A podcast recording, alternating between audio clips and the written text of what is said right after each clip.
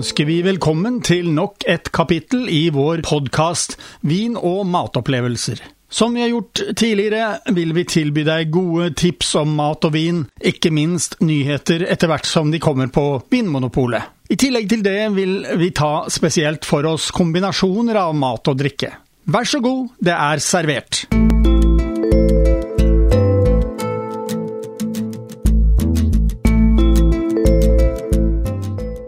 Ja, Jan Egil. I dag er det fredag, og det er fredag den 13. til og med. Og, og da hadde jeg tenkt å si gratulerer med dagen til deg, fordi eh, i dag eh, håper jeg du har funnet fram bløtkake, for i dag skal vi feire Riesling-druens 585-årsdag. Har du fått noe bløtkake i hus? Ja, vi har fått litt bløtkake i hus. Det er, eh, som du sier, 585 år siden i dag at det ble satt i gang med produksjon av Riesling i Tyskland.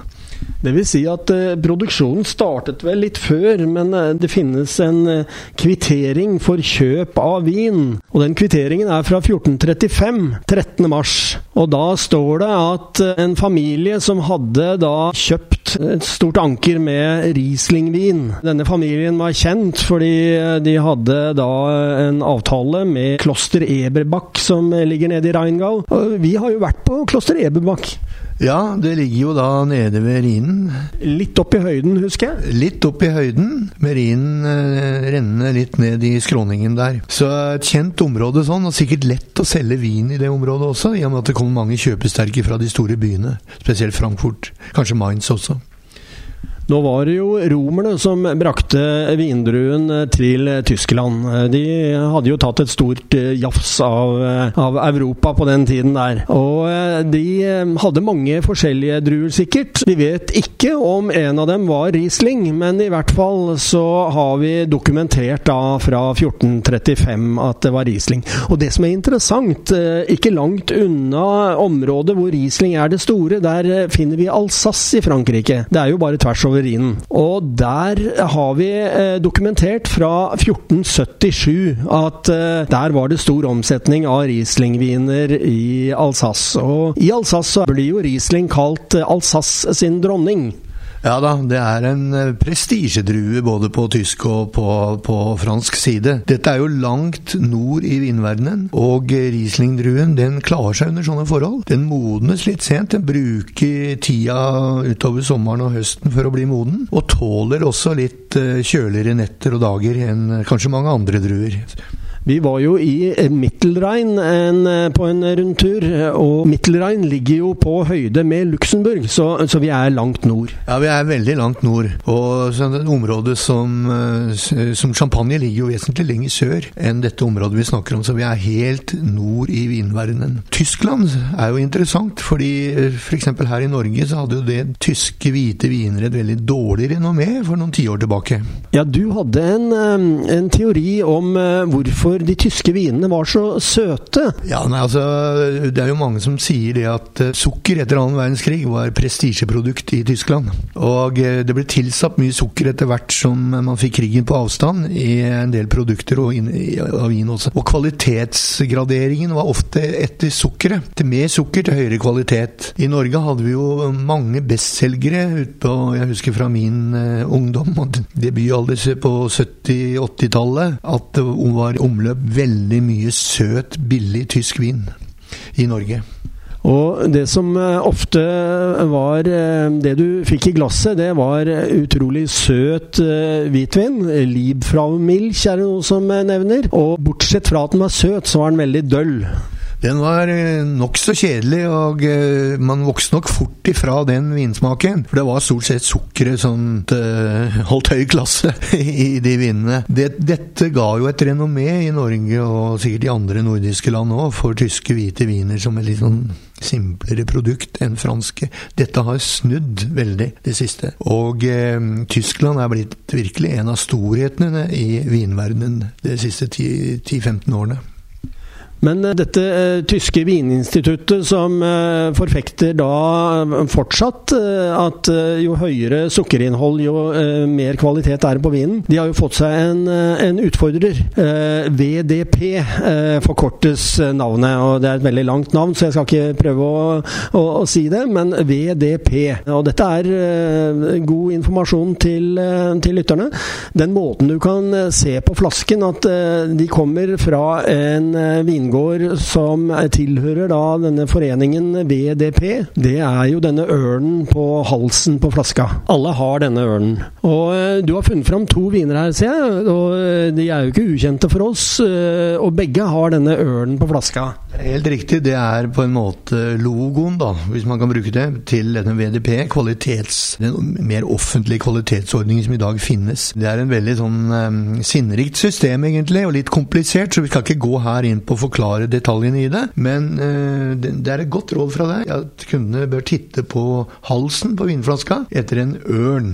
Og det du da vil få servert, det er jo da um, det som kan betegnes som uh, ganske tørre viner for å komme fra Tyskland. Altså mye tørrere enn det som var den tyske standarden for få år siden. Ja, også mer eh, sammensatte i smak. Mer syrlighet. Man finner i disse vinene preg som eh, epler, sitrus. Og det er langt over også imot det mineralske, og faktisk litt sånn Petroleum har vi snakket om i tidligere program, i noen av de modne vinene. Så det er et stort og spennende aromaspekter på de tyske Riesling-vinene. Og det er altså noe helt annet enn det som var med disse gamle tyske. Så fordommene mot den tyske hvitvinen, de, det bør forsvinne, egentlig. Når jeg tenker tilbake, så er liksom eh, noe av det første inntrykket jeg har av tyske Riesling-viner, så, så, var det veldig sånne grønne epler.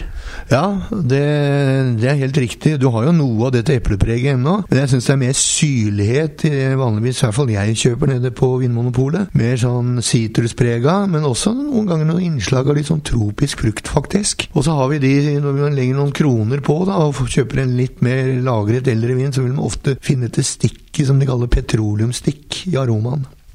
Og der har eh, vi nettopp lest at eh, det er et stoff som utvikler seg eh, i vin, og som også kan finnes i gulrøtter. Når de har stått under veldig gode forhold, altså mye varme og sol og sånn i vekstperioden.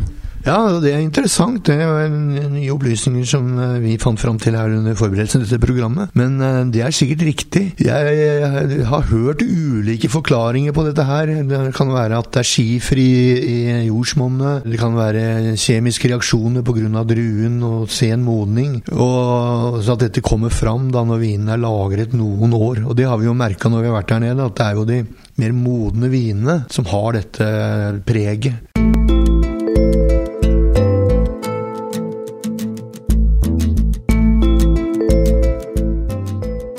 Men eh, da syns jeg at vi skal få en vin på bordet sammen med litt bløtkake. Jan Egil, nå sitter du med noe i glasset foran deg, og det er eh, vin fra typen som heter Nick Weiss St. Urbanshof Bockstein Auslese Gold Capsule. Fint skal det være. Ja, Det er jo en eh, enorm Hva skal jeg si, det er noe annet enn Coca-Cola. Det er veldig sammensatt og vanskelig å lese seg til. Det som er et interessant ord i alt det du leste opp nå, det er jo ordet avslese. Og eh, det betyr at det er en vin som er lagd av godt modne eh, druer sent på høsten. De har en stor, eh, sinnrik gradering i Tyskland og Østerrike på Spätlese, Auslese, Berenauslese og Trockenberenauslese. Og dette er da midt i mølja, avslese. Når man kjøper en vin, gjerne på en uh, mindre flaske, som en halvflaske stor, som, som uh, du har på bordet foran deg her, så får man da en søt, vi kaller det dessertvin. Siden det er jubileum i dag, så lar vi denne stå til uh, litt bløtkake. Og det går jo aldeles utmerket. Det som, som jeg syns var fint med akkurat den her, det er at den har en del friskhet. Den blir ikke sånn plump rund, søt honning. Dette blir, det blir litt spiss på den, litt syre. Og dermed så blir, får du en friskhet som, som gjør at sødmen fra kaken også blir matcha lite grann. No, jeg syns noen av de aller søteste kan bli ganske heftige med sødme. Og det blir noen ganger i retning av eh, å drikke honning. Dette var en fin blanding av sødme og syre og friskhet, syns jeg. Dette er jo en VDP-vin, dette her også. Og det er interessant. Kommer fra midt i det beste området i Moseldalen, St. Orbanshof. Og eh, den eh, har ikke mer enn 9% alkohol, så det er en eh, drikkevennlig sak. Den koster jo litt.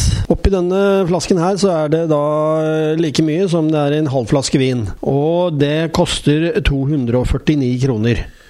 Men eh, nok en gang så er dette et stort håndverksprodukt. Det er lagd med håndplukkede druer, mye innsats fra produsenten, og ikke minst også at man må passe på så man får det på det riktige tidspunktet på høsten, før det blir for kaldt. Og det som er interessant, det er jo at det er en årgang 2014, så den har jo ligget og lagret litt også. Vi hadde 2013 her i sted, og så er det da en 100 Riesling-drue. Ja, det er det. Da, vi er nå over i Moseldalen, som ligger et stykke fra de to andre områdene som vi har vært innom, Reingav og Mittelrein. Ikke så veldig langt, og de har vel noe av det samme jordsmonnet. Moseldalen er jo kjent fra gammelt av å ha ganske mye sødme i vindene sine. Flott område å reise i, og et godt tips til en eh, sykkeltur er å sykle i det området nede ved Mosel. Men da tror jeg vi har feiret eh, bursdagen til Riesling-druen på en verdig måte. Vi har hatt både dessertvin og vi har hatt bløtkake.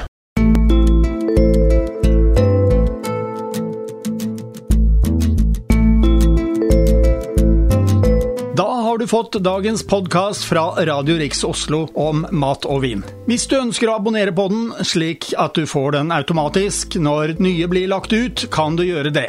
Lykke til! Kommende mandag får du neste kapittel. Vi høres!